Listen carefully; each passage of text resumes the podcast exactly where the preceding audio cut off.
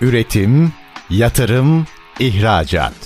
Üreten Türkiye'nin radyosu Endüstri Radyo sizin bulunduğunuz her yerde. Endüstri Radyo'yu arabada, bilgisayarda ve cep telefonunuzdan her yerde dinleyebilirsiniz. Endüstri Radyo.com Tuğba Demir'in hazırlayıp sunduğu Lider Kadınlar programı başlıyor.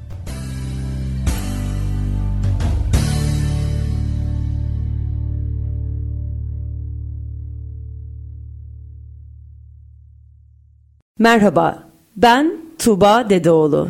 ST Endüstri Radyo'da Lider Kadınlar programındasınız. Kadın varsa hayat var diyerek yola çıktım ve her hafta alanında lider olmuş kadınlarla sizleri buluşturuyorum. Bu haftada konuğum Kitap Soft Kurumsal İletişim ve Pazarlama Direktörü sevgili Meliha Gül. Meliha Hanım hoş geldiniz. Hoş bulduk Tuğba Hanım. Nasılsınız? İyiyim çok teşekkür ederim. Umarım siz de iyisiniz. Evet teşekkür ederim. Melih Hanım siz Kitap Soft'ta kurumsal iletişim direktörüsünüz ama e, buraya kadar gelişen kariyer yolculuğunuz nasıl oldu? Nasıl bu firmayla buluştunuz? Biraz bundan bahseder misiniz? Tabii. E, normalde eğitim sektöründe bu pozisyonda çalışıyordum. Ancak bağlı bulunduğum ajansta farklı birimler mevcuttu. Yazılım, basım ve yayın kısmı mevcut. Yazılım kısmında okullarda kullanılan EduMap programı vardır. Çalıştığım kurumda EduMap'i kullanıyorduk ve e, bu ajansla ve Kitapsoft'ta kariyerime devam etmeye başladım. Yolumuz o şekilde kesişti. Şu an Kitapsoft yayın evi otomasyonunda yazılım markalarımızdan biri. Sürece bu şekilde devam ediyorum. Peki bize birazcık yürütmüş olduğunuz bu sistemden, e, yazılımdan bahseder misiniz? Nasıl bir kolaylık sunuyor? Özellikle yayın evleriyle çalışıyorsunuz. Hı hı. Bu da çok niş bir alan aslında. Evet. Yayın evlerine çok yaklaşanlar olmuyor. Ee, evet. Ee, işte okur sayısı az diyorlar. Hı hı. Buradaki e, aslında e, ne diyelim datayı az buluyor çoğu firma. Doğru. Ne yazık ki ama siz özellikle burada bir yazılım gerçekleştirdiniz. Bu yazılım hı hı. ne sunuyor yayın evlerine? Kitap Soft bir yayın evinin tüm ihtiyaçlarını karşılayan, cevap veren özelleşmiş bir program. Kitap Soft 6 ana modülden oluşuyor. Bu modüller sayesinde yayın evlerinin hem zamandan tasarrufunu hem personelden hem de çalışanların kendine aslında özel alan açma kısmında faydası oluyor. Aynı zamanda bu yazılımda birden fazla yayın evini de yönetebiliyorsunuz. Buna ilave olarak şöyle söyleyebiliriz. Birden fazla marka yönetimine de uygun oluyor bu yazılım. E-ticaret modülü, muhasebe, web sitesi, yayın evi yönetimidir. SEO ile arama motorlarında üst sıraya çıkabiliyor yayın evleri. İnternet bağlantısı olan her yerde dünyanın diğer ucundan bile bu program sayesinde yayın evini yönetebiliyorsunuz. Cep telefonu, tablet, bilgisayar kullanımına da uygun oluyor. Stok alarmıyla baskıdan zarar etmelerini de engelliyor yayın evlerinin. Otomatik mesajlarla sorunsuz bir iletişim sunuyor. Raporlarıyla personel alımı konusunda da yöneticileri uyarıyor oluyor. Editör, dizgici, grafiker hak edişlerini otomatik olarak hesaplıyor. Her adımda yazar onayı alarak olası hataları da engelliyor. ISBN satışa kadar kitabın tüm süreçlerini interaktif yönetmemizi sağlıyor. Hiçbir dosyanız kaybolmuyor. Tüm dosyalar yönetimde ve sistemde günlük olarak yedekleniyor oluyor.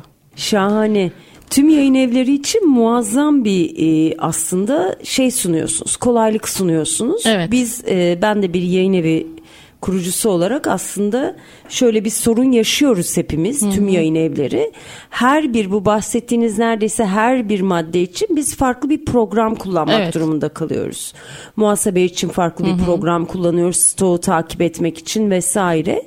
Dolayısıyla siz müthiş bir kolaylık sunmuş oluyorsunuz ve e, aslında iş yükünü de hafifletiyorsunuz evet. bu sayede yayın evi için. Hı hı.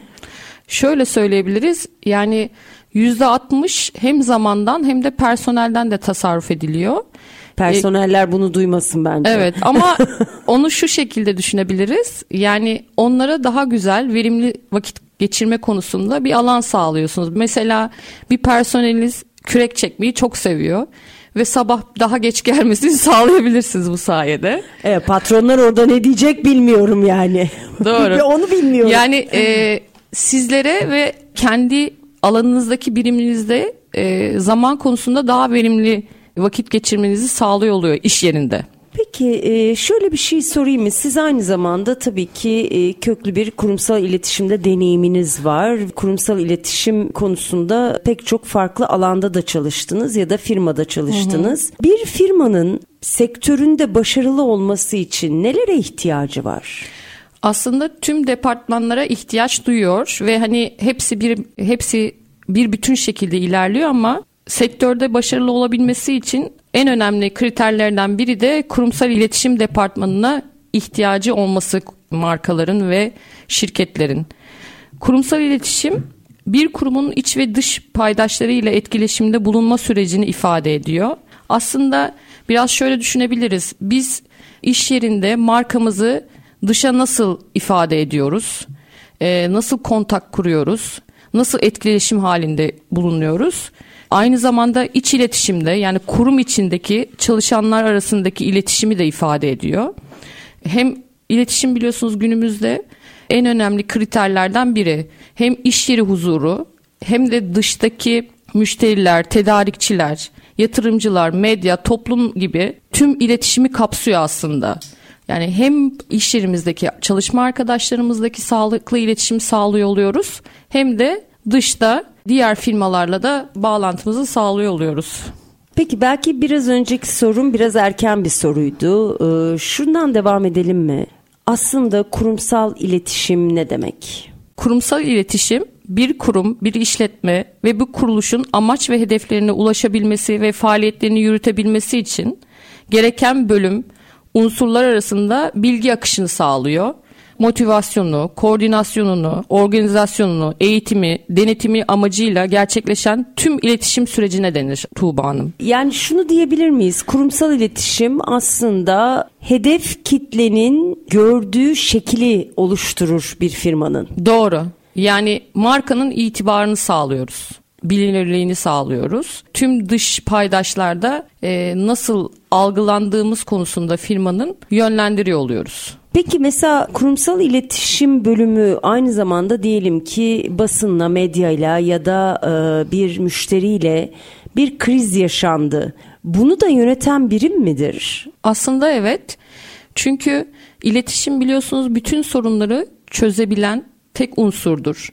Karşı tarafı doğru anlamak, empati kurmak, dinlemek ve onlara kendi iş yerimizdeki ilgili süreci doğru anlatmak bütün problemlerin çözümü oluyor aslında. Biz süreci bu şekilde yönetiyoruz.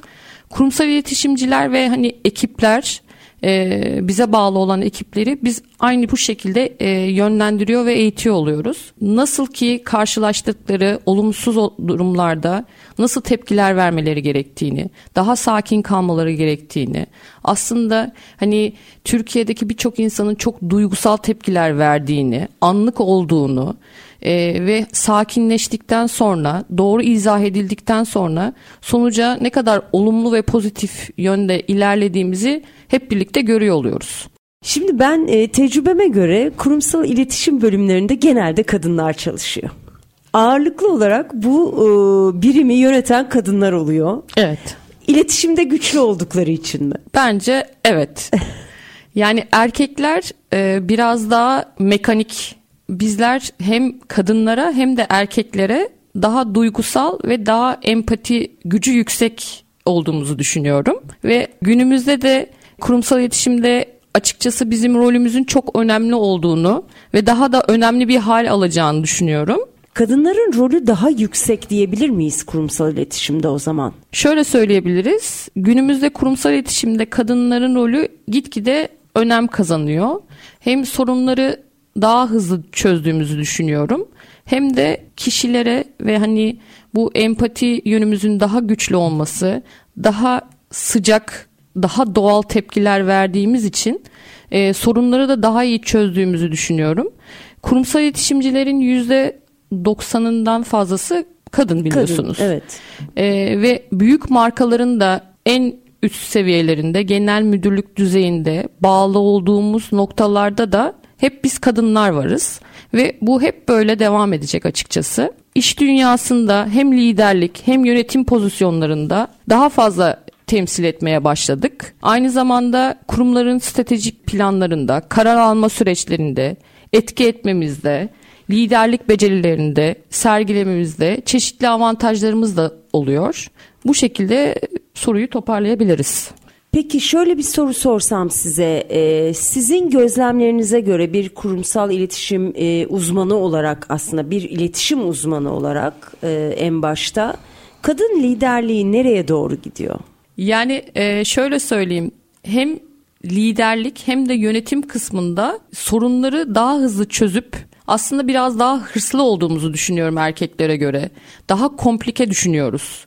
Onlar daha yani onlar demek de çok doğru değil ama daha sabit, daha yani e, verilen proje üzerinde görev bazlı hareket ediyorlar. Biz kadınlar o görevin dışında farklı neler olabileceğini de düşünüyoruz yani doğamız gereği.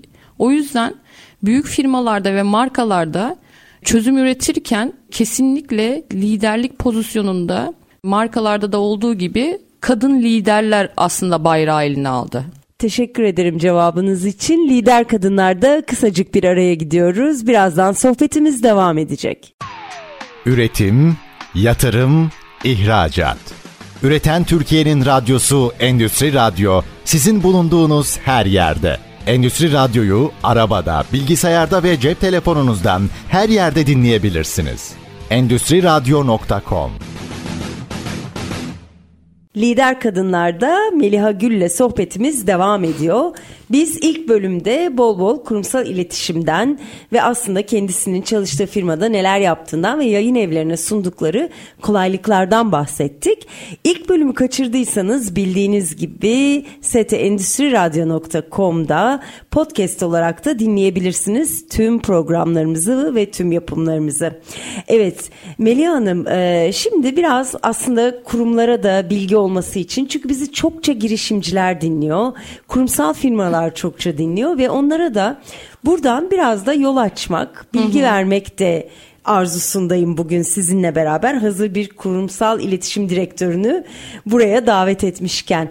Kurumsal imaj ne demek? Aslında kurumsal imaj tüm sektöründe bulunan e, ve sektör dışında bulunan firmalarda dış sahada nasıl gözüktüğü ön plana çıkıyor. İmaj denince kurumsalcılarda sosyal medyadan tutun web sitesine, çalışanların kılık kıyafet, imaj yönetiminden tutun, konuşma biçimine, biçimine, e, görüştükleri paydaşlarıyla olan davranış biçimine kadar tüm süreçlerde bizler kurumsal iletişimciler sektörde devam ediyor oluyoruz. İmaj deyince hani aklımıza sadece dış görünüş değil, bunun dışında e, verdiğimiz eğitimler, personel eğitimleri, süreçteki firma içinde, çalıştığımız kurumlar içindeki aksaklıklar, iç iletişim aksaklıkları. Çünkü en büyük problem aslında dış sahada değil bazen firma içinde bile yaşanabiliyor. Bu da tamamen iletişimsizlikten ileri geliyor. Birimler kendi işini kendileri biliyor zaten ama farklı birimdeki arkadaşlarının ne yaptığını, e, firma içindeki toplu proje süreçlerindeki durumlarından haberdar olmayabiliyorlar. Aslında bizler hani kurumsalcılar iç iletişimdeki bu süreci de yönetiyor oluyoruz. Kurum içindeki tüm iletişim kanallarını mailing yaparak, duyurular yaparak e, yönetiyor oluyoruz. Yani e, sadece dış saha değil, diğer müşteri diyebilirsiniz, tedarikçi diyebilirsiniz. Nasıl adlandırırsınız bilmiyorum ama iç iletişim kısmında da firma içindeki önemimiz oldukça fazla oluyor. İç iletişimden e, gerçekten ilk defa siz bahsettiniz ve çok önemli bir unsur. Çünkü bizim de firmada başımıza gelmişti evet. vakti zamanında. Aynı firmaya iki satış profesyoneli farklı farklı zamanlarda mail atıp kitap satışı yapmak istediler ve e, orada bir çakışma oldu ve firmayla bu sefer e, doğru bir iletişim yürütemedik ve hı hı. çok baskı yaptığımızı düşünüp firma aslında bizimle çalışmak istemedi. Evet. Aslında hem dış tarafa etkisi sizin gösterdiğiniz yönde daha da böyle komik ve hani acı kısmı yan masadaki arkadaşından bile haberi olmayabiliyor iç iletişim kısmında. Toplu bir toplantı dışında kişilerin ne yaptığıyla ilgili bilgileri muhakkak biliyor olmamız gerekiyor firmada. Yani şu an çalıştığım kurumda yayın evi kısmında olan ekip arkadaşlarımızla e, yazılım kısmında olan ekip arkadaşlarımızın ne yaptığıyla ilgili bilgileri akışları da sağlıyor oluyoruz. Çünkü bir noktadan sonra ortak noktada kesişiyor oluyoruz. Dış sahada yaptığımız faaliyetlerde de aynı şekilde geçerli. Ee, yazılımla ilgili bir proje yaptığımızda herhangi bir yazardan destek isteyebiliyoruz. Veya herhangi bir kitabın e, satışıyla ilgili e, yayın evindeki arkadaşlarımızdan destek istiyor olabiliyoruz. Yani sadece biz yazılım departmanıyız deyip herhangi bir noktada onları bağımsız şekilde yolumuza devam edemiyoruz. Sonuçta firmada ajansa bağlı olduğumuz için birbirimizle ilgili tüm süreçleri birbirimize doğru şekilde, doğru zamanda her akşam, her gün günlük rutinde hem gruplardan hem maillerden yönetiyor oluyoruz iletişim sürecini. Müthiş. Gerçekten çok önemli bir unsur bir firma için. Peki e, firma itibarı ne demek ve e, bunu yöneten birim gene kurumsal iletişim bölümü. Bu itibar nasıl yönetilir, nasıl yönetilmeli, hı hı. nerede çatışma olur? Yani kurduğunuz itibara ters nerede düşer firma? Ne yaparsa orada bir çakışma olur ve aslında belki müşteriye, tedarikçiye ya da dış yüze ters bir imaj sergilemiş olur. Aslında bizim iletişimdeki tek unsur, tek doğru şey dürüstlük. Yani firmalara imajımızı veya itibarımızı, markamızı sarsacak tek unsur dürüstlük politikası. Biz kurumsal iletişimciler de e, zaman zaman kurumlar içinde, sektörde, var olan firmalarda açıkçası hatalar da olabiliyor. Karşı tarafa da bunu net bir şekilde biz ifade ediyor oluyoruz. Evet bir aksaklık oldu bizden kaynaklı şu noktadan da biz çözümümüzü şu tarihte şu saate set ettik gibi dönüşleri sağlıyoruz. Her şeyden önce e, sektörde hangi sektörde olursak olalım kurumsal iletişimcilerin yapması gereken tek yani imaj ve e, sarsmayacak ve güveni sağlayacak tek unsur dürüstlük bence. Tutarlılık burada evet. nasıl adlandırılır? Yani tutarlılık neresinde değil mi? Yani tutarlı da olmalı galiba firmalar. Tabii yani şimdi karşı taraf bizden herhangi bir iş konusunda tarih ve e, zaman ve süreçle ilgili bilgi bekliyor. Biz iletişimciler departmandan aldığımız bilgiler doğrultusunda karşı tarafa bilgi veriyoruz. Bu bilginin de doğruluğu, zamanında teslimi veya verdiğimiz sözlerin randevudan tutun, toplantılardan tutun, işin bitmesine kadar tutarlı bir şekilde e, süreci bizler yönetiyor oluyoruz. Son yıllarda firmaların çok fazla sosyal sorumluluk projeleri yürüttüğünü Hı-hı. görüyoruz. Yani bayağı büyük projeleri sırtlanıp götüren pek çok firma var. Sosyal sorumluluk projeleri firmalara ne katar, imajlarına ne katar ve itibarlarına aslında bir anlamda da ne katar? Şöyle söyleyebilirim. Bir önceki sektörde çalıştığım okullarda yaptığımız çok güzel çalışmalar vardı. Anne ve çocuğa dokunuyorduk. Her şeyden önce çalışanların motivasyonu inanılmaz derece etkiliyor. Yani ofiste bir gün hazırlıyorduk çocukların etkinliği için. 23 Nisan şenliklerinde büyük alanlarda partiler, çocukları mutlu edecek işte şekerlemeler, popcornlar, onları mutlu edecek yarışmalar düzenleyip hem anne ile babayın o ortamda bulunup o şirkete karşı aslında duygusal bağını da güçlendiriyor oluyoruz hem de e, motivasyon anlamında çocukların da annelerin çalıştığı, gittiği ortamlarda e, nasıl vakit geçirdiği, gün içinde hangi birimlerde çalıştığıyla ilgili çocuklara da muazzam bir hani ufkunu açacak bir çalışma oluyordu. İmaja gelirsek aslında bence en önemli şey orada çalışanların, personellerin motivasyonu.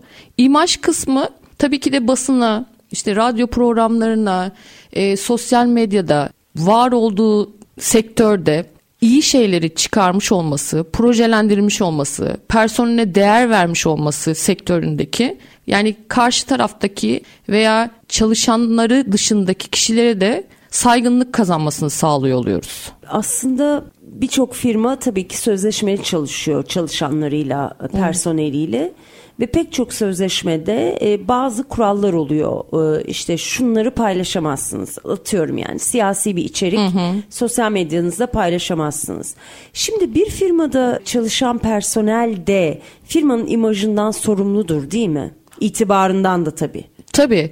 Yani orada İK ile o süreci yönetiyor oluyoruz. İK personel sözleşmelerini yaparken kuruma hem rekabet hem imajı ile ilgili bazı maddeler ve unsurlar ekliyor olabiliyor.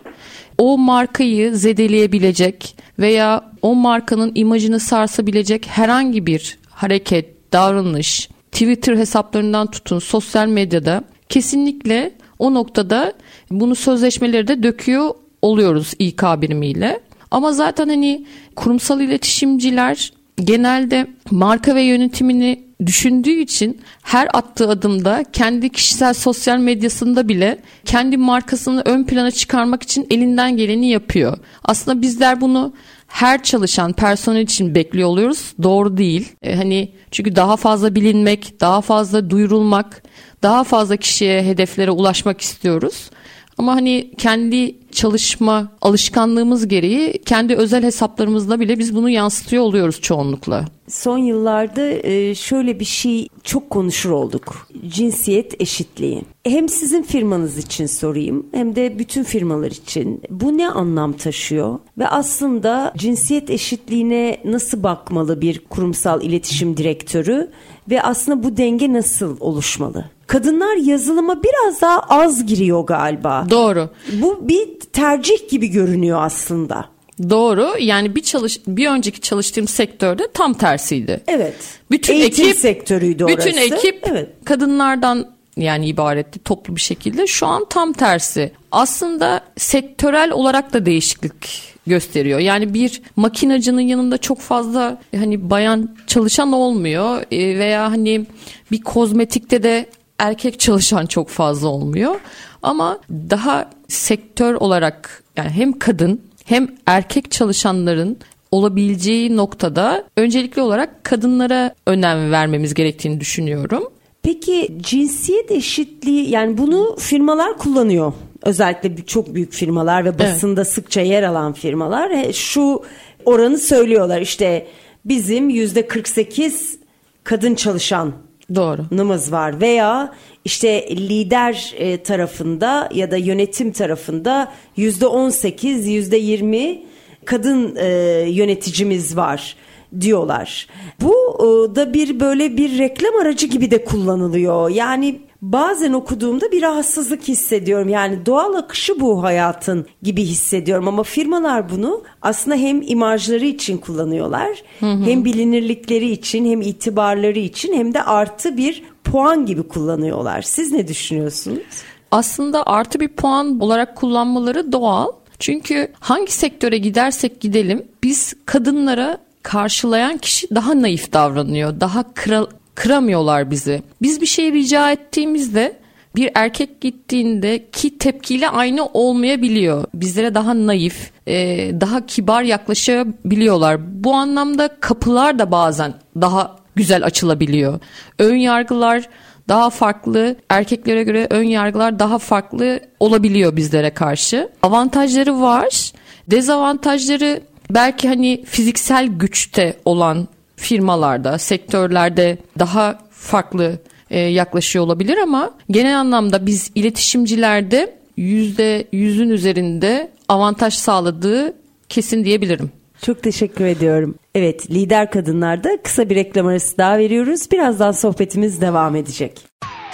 Üretim, yatırım, ihracat. Üreten Türkiye'nin radyosu Endüstri Radyo sizin bulunduğunuz her yerde. Endüstri Radyo'yu arabada, bilgisayarda ve cep telefonunuzdan her yerde dinleyebilirsiniz. Endüstri Radyo.com Lider Kadınlar'da Kitap Soft Kurumsal İletişim ve Pazarlama Direktörü sevgili Meliha Gül ile sohbetimiz devam ediyor. İlk iki bölümü kaçırdıysanız podcastlerimizden dinleyebilirsiniz. Şimdi kadın e, çalışanlardan çokça konuştuk ilk iki bölümde ama kadın çalışanları liderlik pozisyonlarına taşıyabilmek için neler yapmalı? Hangi eğitimler alınmalı? Ee, siz de ben de kadın girişimciliğiyle, kadın liderliğiyle çok ilgileniyoruz. Hı hı. Dolayısıyla daha çok lider pozisyonlarında onları görmek için neler tavsiye edersiniz bir kurumsal iletişimci olarak? Aslında kurumsal iletişimde hem liderlik için tamamen eğitimlere yönelebilir kadın çalışanlar. Şöyle yapabiliyoruz aslında eğitim programlarına dahil olabiliyoruz. İletişim biraz da aslında eğitimin dışında da kişinin var olan yeteneğiyle de aslında ileri geliyor.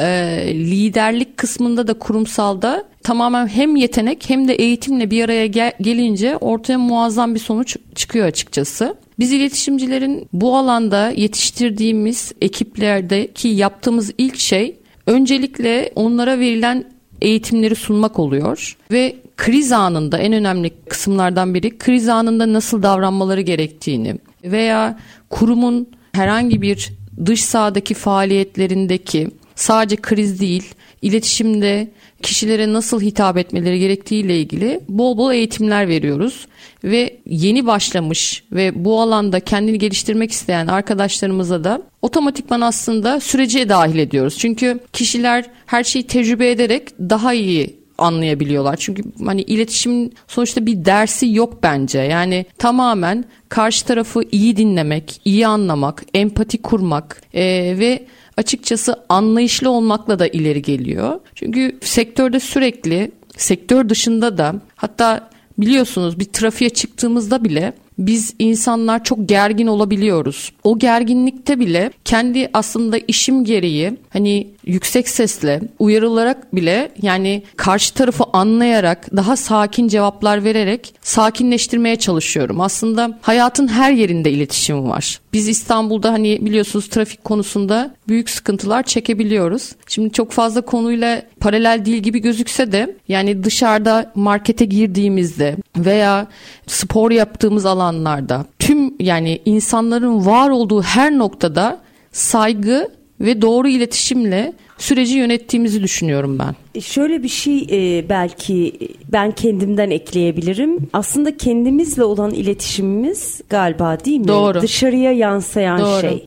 Kendi enerjimiz. Evet yani kendimizle çok kavga eden biriysek dışarıyla da kavga ediyoruz. Evet yani belki daha derin olacak ama mutlu insanların iletişimi daha güzel oluyor diye düşünüyorum. Yok ya yani kesinlikle bu böyle. Yani e, ben de bir yönetici olarak hep şunu baz almaya çalışıyorum kendim için. Karşı tarafı anlarken de ben ne düşünüyorum senin hakkında? Doğru. Yani ben bugün Melih Hanım'la bir program yapıyorum ve Melih Hanım'ın gözlerinin içine baktığımda ben ne hissediyorum? Benim duygum ne?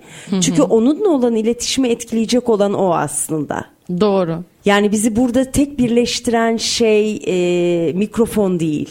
Doğru. Birbirimizin gözünün içine de bakmamız aynı zamanda aslında. Yani her yerde bir bağ kurmak diye düşünüyorum aslında. Mutlu olan, kendinle barışık olan her insanın doğru iletişim kurduğunu düşünüyorum. Bunun dışında çünkü ön yargılı insanlar genelde zaten kendisine de ön yargılı, kendisini de sevmeyen ve karşı tarafı zaten sevemeyen insanlar oluyor. Yani tek söyleyebileceğim şey tüm toplum için, dünya için söyleyebileceğim şey önce kendimizle barışmamız gerekiyor. Çünkü karşı taraf herkes çok yorgun, herkes çok yoğun çalışıyor, herkesin tahammülü az. Herkes para kazanmaya çalışıyor. Herkes çocuğuyla ilgileniyor. Herkesin yolda benzini bitebiliyor. Herkes kaza yapabiliyor ama herkes sanki bunu tek kendi yaşıyormuş gibi karşı tarafa yansıtıyor. Aslında hepimiz aynı şeyleri yaşıyoruz. Burada tek söyleyebileceğim şey bunu herkesin yaşadığını, yaşayabileceğini aslında her an kendimizi hatırlatmamız gerekiyor. Evet acelemiz olabilir, tahammülümüz daha az olabilir ama yani karşı tarafa gösterdiğimiz olumsuz davranış aslında kendimize olan saygısızlığımız diye düşünüyorum ben. Önce kendimize olan saygımız önemli diye düşünüyorum. Peki şöyle bir soru sorsam size. Ee, sizinle daha önce sohbet ederken de aramızda geçmişti. Çeşitlilik nedir? Ee, ve çeşitliliği bir firma arttırmak için neler yapmalı? Aslında çeşitlilik kadın ve erkeğin yani sektörlerde belirli bir oranı yok çalışma oranı. Yani sektör sektör değişebiliyor. Yani şunu yapılabilir diye düşünüyorum. Erkek gücünün çok olduğu bir sektörde yani erkeklerin yoğun olduğu bir sektörde kadınlara da bir alan açılabilir. Çeşitlilik arttırılabilir. Aslında dengeler kurulu, kuruluyor oluyor bu şekilde. İşte belki İK'ya bir bayan alınabilir. Bir kurumsala, bir karşılama resepsiyoniste bile bir kadın şeklinde alıyor olabiliriz. Daha çeşitlilik yani çeşitliliği arttırıyor oluruz. Yani farklı bir şekilde projelerde yani kurumsal firmalardan tutun tüm sektörlerde yani bir manavda bile bir kadının olması bile daha farklı olduğunu düşünüyorum. Çünkü son dönemde e, karşınıza çıktım bilmiyorum Tuğba Hanım. Otobüs şoförleri, belediye evet, otobüs şoförleri bayan, evet, sarışın harika. ve makyajlı. Yani herkes oraya bakıp gülümsüyor. Yani bu e, hem cinslerimiz ve karşı cinslerde karşıda farklı bir hava ve imaj sergiliyor oluyoruz. Kadınlar bu anlamda aslında hani e, karşı tarafa daha pozitif bir enerji veriyor oluyor. Kesinlikle yani e, boşuna lider kadınları yapmıyoruz. Kadınların evet. elindeydi her şey güzel oluyor. Evet. Çünkü aslında ilk bölümde konuştuğumuz şey çok önemli. Yani kadının bu Allah vergisi diyelim yani zekası, düşünme hali çok yönlü. Evet. Dolayısıyla o çok yönlülük yaptığı işe fazlasıyla yansıyor. Ve bir yumuşak anne olmanın getirdiği çocuğu olsun olmasın hepimizde o duygu var. Onun getirdiği de bir yumuşaklık ve aslında tolerans seviyesinin de yüksekliği var. Doğru. Yani bir kadının çocuk yetiştirmesi sabır işi. Evet. Genelde kadın çalışan, kadın yönetici daha sabırlı ve tahammül e, seviyesi daha yüksek oluyor.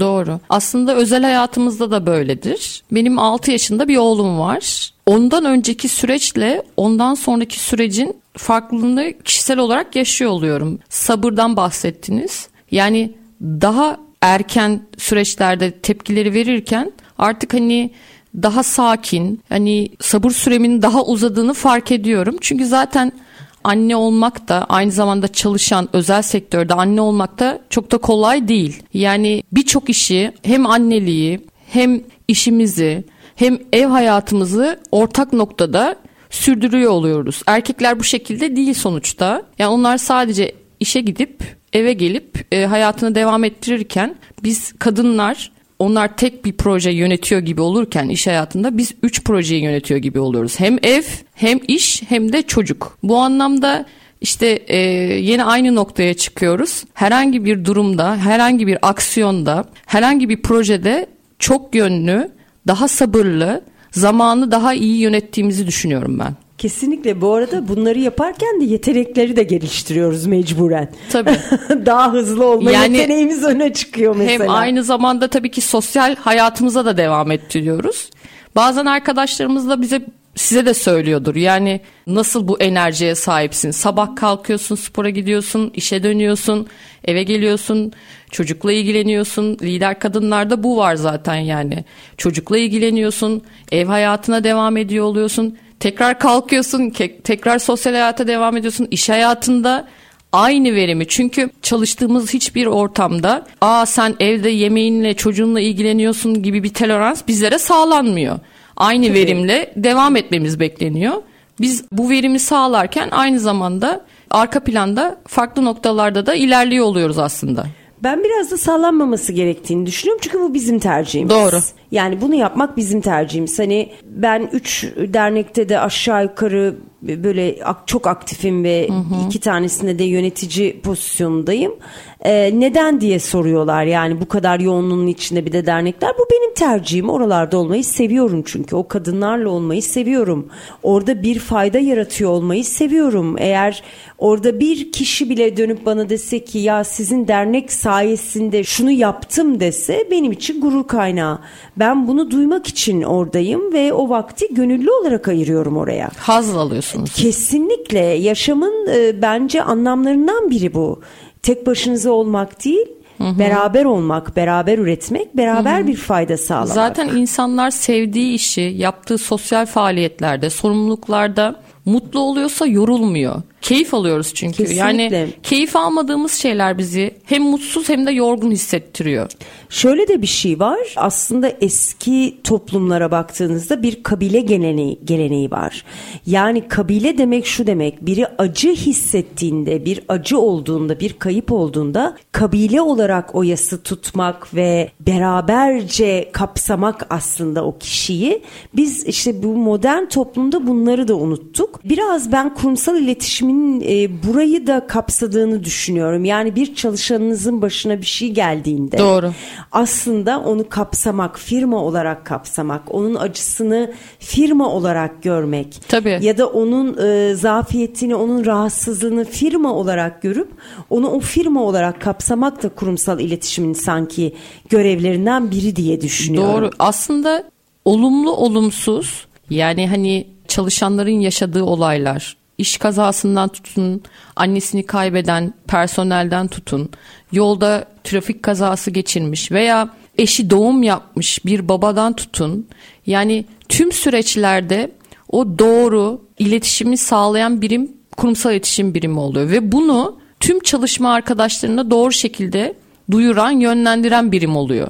Ee, herkes bu noktada elinden geleni yapıyor oluyor. Aslında biraz da motivasyonu gibi düşünüyorum ben kurumun. Kesinlikle. Ee, sadece iletişim sağlamak değil, bir birlik, bir beraberliği de sağladığını düşünüyorum.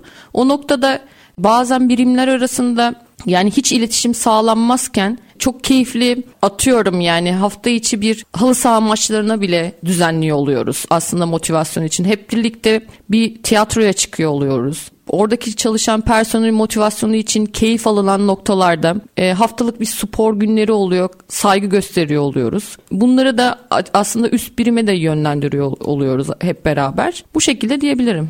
Evet, bugün konuştuğumuz konuların tamamı tüm firmalar için çok özel bilgiler içeriyor aslında. Melih Hanım'ın söylediklerini alıp firmanıza uyguladığınızda siz de kendi kurumsal iletişiminizi, çalışan aidiyetinizi ve aslında e, firmanızın imajını, dışarıdaki yüzünü de oluşturuyor olacaksınız. Çok keyifli bir sohbet oldu. Son soru olarak şunu sorayım Melih Hanım. Size nasıl ulaşabilir dinleyenlerimiz? Sosyal medya kanalıyla ulaşılabilir kurumlar, kişiler her noktada bana ulaşıyor olabilirler. Çok teşekkür ediyorum katıldığınız için. Harika bir sohbet oldu. Ben teşekkür ederim Tuğba Hanım. Ben de çok keyif aldım. Bir Lider Kadınlar programında sonuna geldik. Bir sonraki programda buluşmak dileğiyle sevgiyle kalın, hoşça kalın.